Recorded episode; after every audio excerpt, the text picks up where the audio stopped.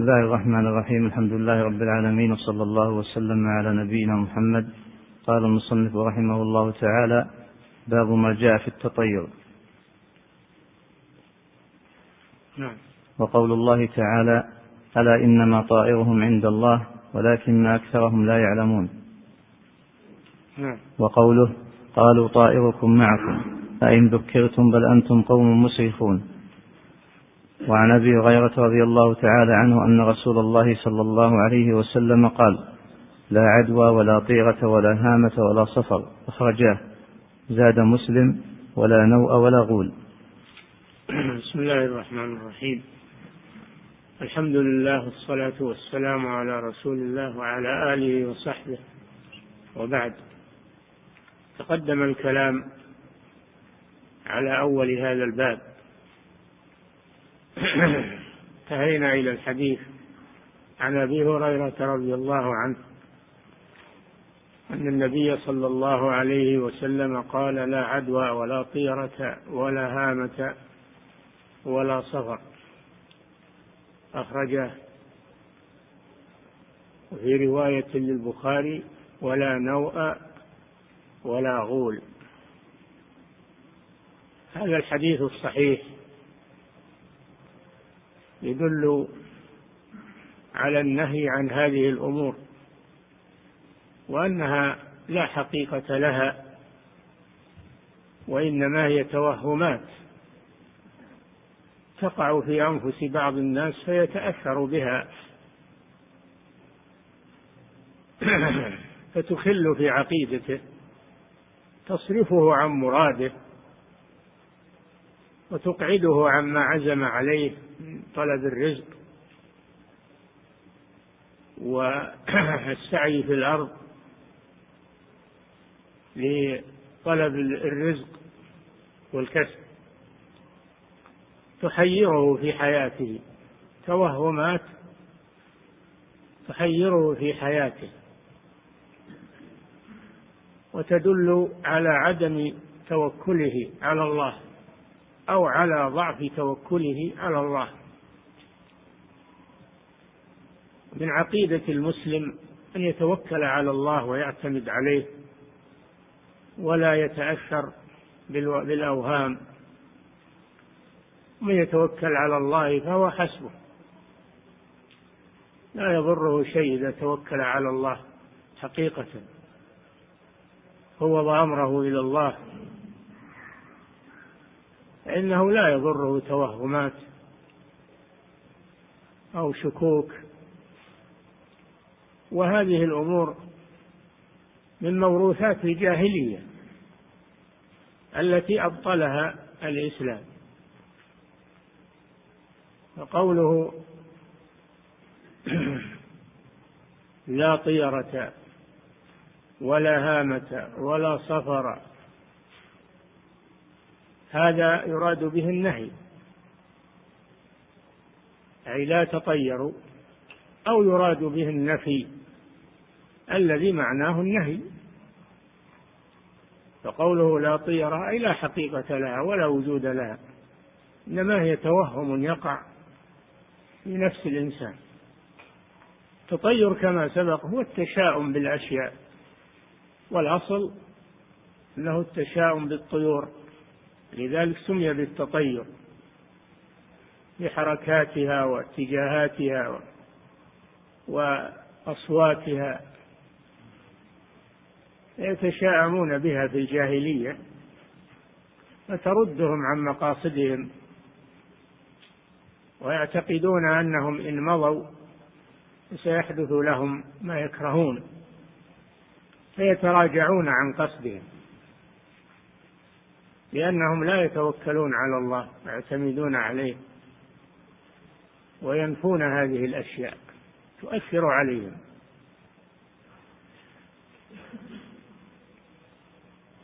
ولا هامة الهامة أيضا هي نوع من الطيور. يقال لها البومة كانوا يتشاءمون بصوتها وفي رؤيتها. يظنون أنها تدل على الموت وعلى الخراب. فإذا وقعت البومة على جدار أحدهم قال نعت إلي نفسي أو سمعوا صوتها. هذا من أمور الجاهلية. ولا يزال عند بعض البوادي والأعراب الذين لم يتعلموا التوحيد والعقيدة. لا يزال أنهم يتشاءمون بهذا الطائر وبصوته. ويعتقدون أنه يدل على الموت وعلى الهلاك. في الحقيقة هو طائر. ليس له تأثير وليس له أي تغيير في حياة الإنسان. هو طائر من جملة الطيور. يلتمس الرزق ويطير في, في الهواء كغيره من الطيور. فلا يدل على على موت ولا على حياة. إنما الموت والحياة بيد الله سبحانه وتعالى.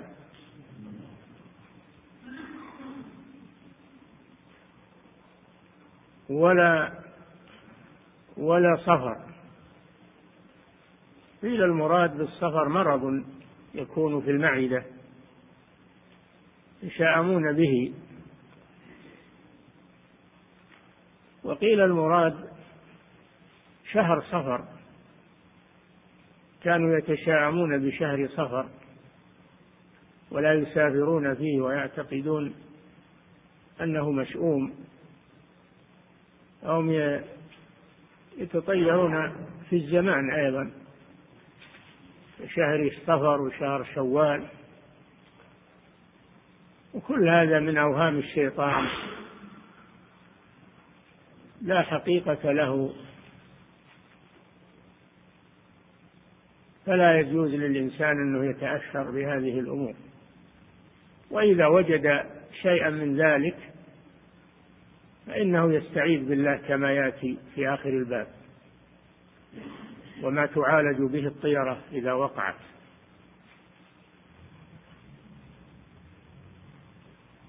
فالأزمان أشهر والأيام هذه مخلوقات. ليس لها من الأمر شيء. قوله لا عدوى ولا طيرة. لا عدوى العدوى هي انتقال المرض من شخص إلى شخص أو من بلد إلى بلد. والعدوى موجودة موجودة العدوى. ليس المراد بالحديث نفي العدوى مطلقة العدوى موجودة. هناك أمراض تعدي. ولهذا قال صلى الله عليه وسلم لا يولد ممرض على مصح أي لا يولد صاحب الإبل. الجرب على الإبل الصحاح. خشية انتقال المرض. وقال فر من المجذوم فرارك من الأسد. فهذا من باب الوقاية. هذا من باب الوقاية. وقال صلى الله عليه وسلم عن الطاعون إذا سمعتم به في بلد فلا تقدموا عليه. ومن كان في البلد لا يخرج منه. فالعدوى موجودة ولكن المراد ما يعتقده الجاهلية من أن المرض ينتقل بنفسه وبطبيعته والطبيعة تقتضي هذا كما يقولون. إنما ينتقل المرض بإذن الله. ينتقل بإذن الله وتقديره. فيتوكل على الله سبحانه وتعالى ويتعاطى أسباب الوقاية والعلاج ولا يعتقد أن المرض يعدي بنفسه كما تعتقده الجاهلية. وإنما المرض ينتقل بإذن الله ويعدي بإذن الله فيتوكل على الله ويدعو الله ويعمل الأسباب الواقية منه. ليس معنى قوله لا عدوى لأن العدوى ليست موجودة وإنما المراد نفي ما يعتقده الجاهلية في أن العدوى تنتقل بنفسها لا بتقدير الله. هذا هو المراد بالحديث. والجمع بين الأحاديث التي تنفي العدوى والأحاديث التي تثبتها. أن المراد لا عدوى لنفسها وطبيعتها وإنما هذا شيء يحصل بإذن الله. فيتعاطى الأسباب الواقية منه. هذا هو المطلوب. قال المصنف أخرجاه أي البخاري ومسلم فهو متفق عليه. زاد مسلم في رواية على رواية البخاري ولا نوء ولا غول. والنوء سيأتي فيه باب خاص وهو الاعتقاد بطلوع النجوم وغروبها أنه يحدث حوادث أو مصائب والأنوى هي النجوم أو أن الأمطار تنزل عند عند طلوع النجم الفلاني أو تنحبس عند طلوعه أو غروبه هذا من اعتقادات الجاهلية. فالمطر بيد الله. متى شاء أنزله ومتى شاء حبسه. ليس للنجوم والأنوى فيه تدخل. ولا غول بضم الغين. والغول هو ما يحصل من الجن في البراري. عند المسافرين. كان المسافر وحده إنهم يتخيلون له على شكل أضواء أو شهب. فإذا وصلها لم يجد شيئا. تنتقل إلى مكان آخر لأجل أن يضلوه عن الطريق ولأجل أن يوقعوا في نفسه الخوف. النبي صلى الله عليه وسلم نفى هذا وقال لا حقيقة لهذه الأشياء. فالمسلم يكثر من ذكر الله وتذهب عنه. إذا ذكر الله ذهبت عنه. في حديث إذا تغولت الغيلان فبادروا بالأذان. أي بذكر الله سبحانه وتعالى لأن ذكر الله يطرد الشيطان. فعلاجها بذلك. أن تذكر الله. تقول لا إله إلا الله ما شاء الله سبحان الله. تقرأ شيء من القرآن تذهب عنك. هذه الغيلان.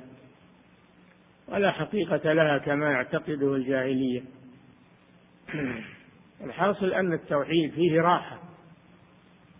فيه راحة للإنسان. فيه قوة قلب. فيه عزيمة. فيه مضي على ما أراد الإنسان من الكسب ومن التجارة وغير ذلك. أما التأثر بهذه الأشياء والتطير بها والتشاؤم بها فهذا مما يعرقل الحياة ويضعف قلب الإنسان ويجعله خائفا من كل شيء. كل شيء يظهر له يخاف. إنه يحدث له كذا. لكن إذا آمن بالله وترك التطير والتشاؤم واعتمد على الله سبحانه وتعالى قل لن يصيبنا إلا ما كتب الله لنا هو مولانا. المسلم يعتقد يعتمد على الله ويعتقد أنه لا يصيبه إلا ما كتب الله له. وما كتبه الله سيجري يعني سواء سافرت أو ما سافرت سواء تصرفت في شيء أو لا. المقدر سيجري ما يدفعه شيء. اعتمد على الله وتوكل على الله. وانظر في مصالحك. الدينية والدنيوية. اطلبها. واترك الأوهام والشكوك. واترك التشاؤمات والتطير وغير ذلك من الأمور. نعم. وله عن أنس قال قال رسول الله صلى الله عليه وسلم لا عدوى ولا طيرة ويعجبني الفأل. قالوا وما الفأل؟ قال الكلمة الطيبة. لا عدوى ولا طيرة عرفنا معناها وعرفنا المقصود بنفيها. ويعجبني الفأل. الفال هو حسن الظن وتوقع الخير. حسن الظن وتوقع الخير. هذا شيء طيب. أنك تتفاءل بالخير تحسن الظن بالله عز وجل. فهذا ضد الطيرة. الطيرة تأميل للشر. وسوء ظن بالله عز وجل. وأما الفال فإنه خير. إذا سمعت الكلمة الطيبة فرحت بها. وإذا رأيت شيئا أو رأيت شخصا طيبا تتفاءل بالخير. هذا فرق بين الفال وبين الطيرة. الطيرة حسن الطيرة سوء ظن بالله وتأميل للشر. وأما الفال فإنه خير ويبعث على الانبساط وعلى الطمأنينة. فالفال هو أحسن أنواع الطيرة. يعجبني الفال. نعم.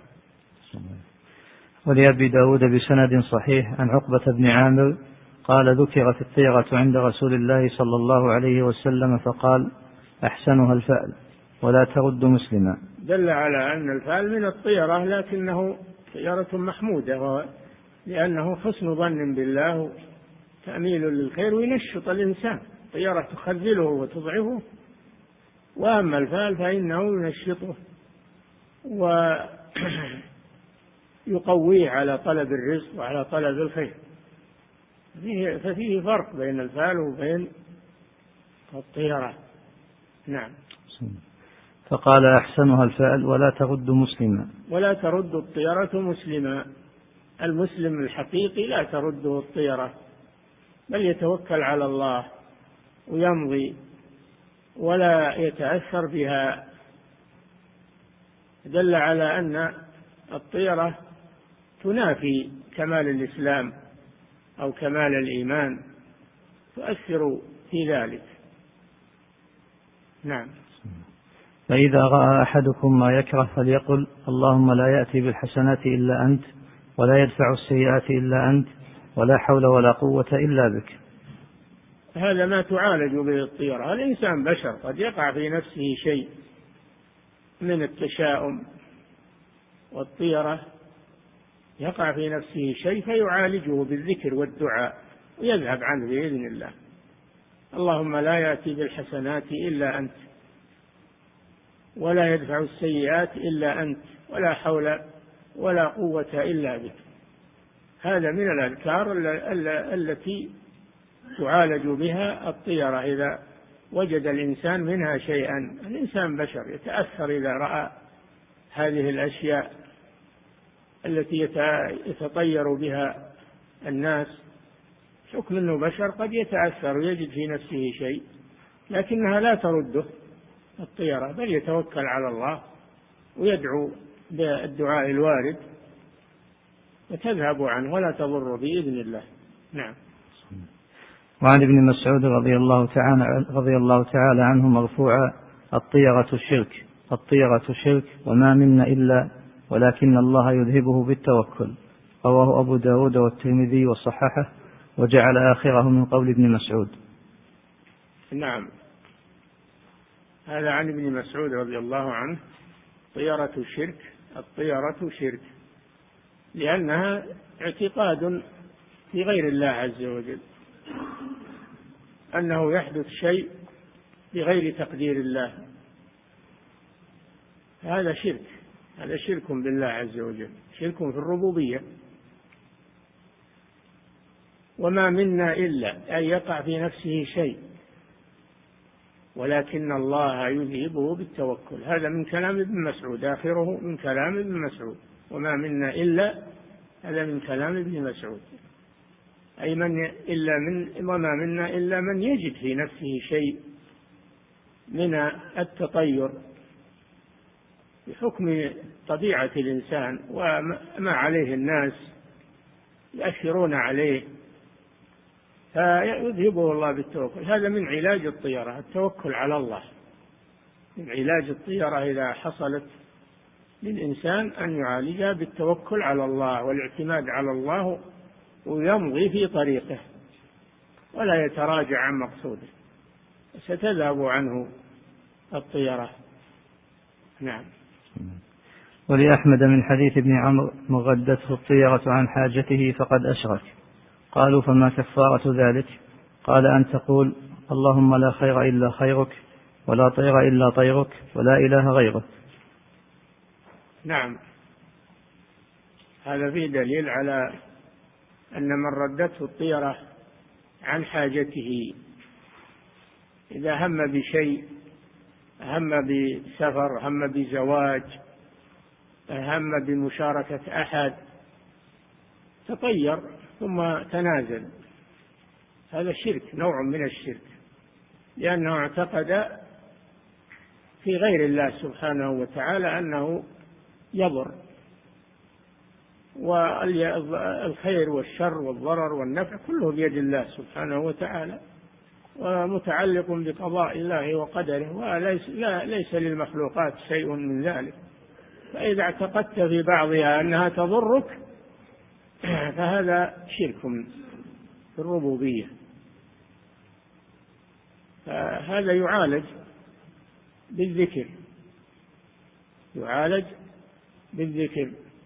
فيقول اللهم لا طير إلا طيرك ولا خير إلا خير. لا طير إلا طيرك. يعني أن أن أن الأضرار والشرور كلها بيدك. أنت الذي تقدرها. هذا فيه الإيمان بالله. وأن وأن المخلوقات ليس لها دخل في ما يجري في هذا الكون أو على الإنسان. إنما هو بقضاء الله وقدره وأن الخير من الله جل وعلا. يده الخير وهو على كل شيء قدير. فيعتمد على الله ويتوكل على الله. نعم أعد. ولأحمد من حديث ابن عمرو من غدته الطيرة عن حاجته فقد أشرك. قالوا ف... أما من لم ترده دل على أنه من لم ترده الطيرة ودفعها أنه يسلم من الشرك. فإذا وجدت في نفسك شيء ادفعه بالتوكل على الله. وامضي في طريقك وسيذهب عنك. أما إذا ردتك الطيرة عن مقصودك فهذا شرك بالله عز وجل. اعتقاد بغيره أنه ينفع ويضر. نعم. قالوا فما كفارة ذلك؟ قال أن تقول اللهم لا خير إلا خيرك ولا طير إلا طيرك ولا إله غيرك. نعم هذا علاج الطيرة بهذا الذكر اللهم لا طير إلا طيرك ولا خير إلا خيرك ولا إله غيرك. يعالج من وجد فيه جل على أنه يقع في نفس الإنسان شيء. لكن يعالجه بالدعاء والتوكل على الله سبحانه وتعالى. نعم. وله من حديث الفضل بن عباس رضي الله تعالى عنهما إنما الطيرة ما أمضاك أو ردك. إنما الطيرة ما أمضاك أو يعني كون يحصل في نفسك شيء هذا بحكم ضعف الإنسان. يحصل لك شيء وإذا رأى الناس يتأثرون بهذا يقتدي بهم. لكن الكلام على تصرفات الشخص إن كان مضى فهذا دليل على توكله على الله وعدم التفاته إلى الطيرة. وإن ردته الطيرة فهذا دليل على ضعف توكله على الله وأنه في نفسه شيء من الشرك كما سبق. الطيرة ما أمضاك أو رد. أما أنه يقع في نفسك شيء ولا تتكلم به ولا ولا تتصرف بموجبه فهذا لا يضر.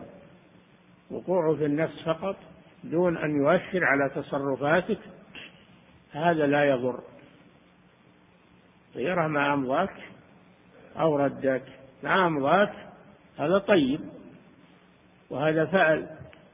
وما ردك فهو طيرة. نعم. فيه مسائل. الأولى التنبيه على قوله ألا إنما طائرهم عند الله؟ مع قوله طائركم معكم. يعني الجمع بين الآيتين. قد عرفنا فيما سبق طائرهم عند الله أي بقضاء الله وقدره. وأن ما كتب على الإنسان سيجري عليه. طائركم معكم أي بسببكم. كما يصيب الإنسان من المكروه فإنه بسبب ذنوبه. ما أصابك من حسنة فمن الله وما أصابك من سيئة فمن نفسك. فهي من الله قضاء وقدرا ومن نفسك تسببا. نعم. الثانية نفي العدوى. الثانية؟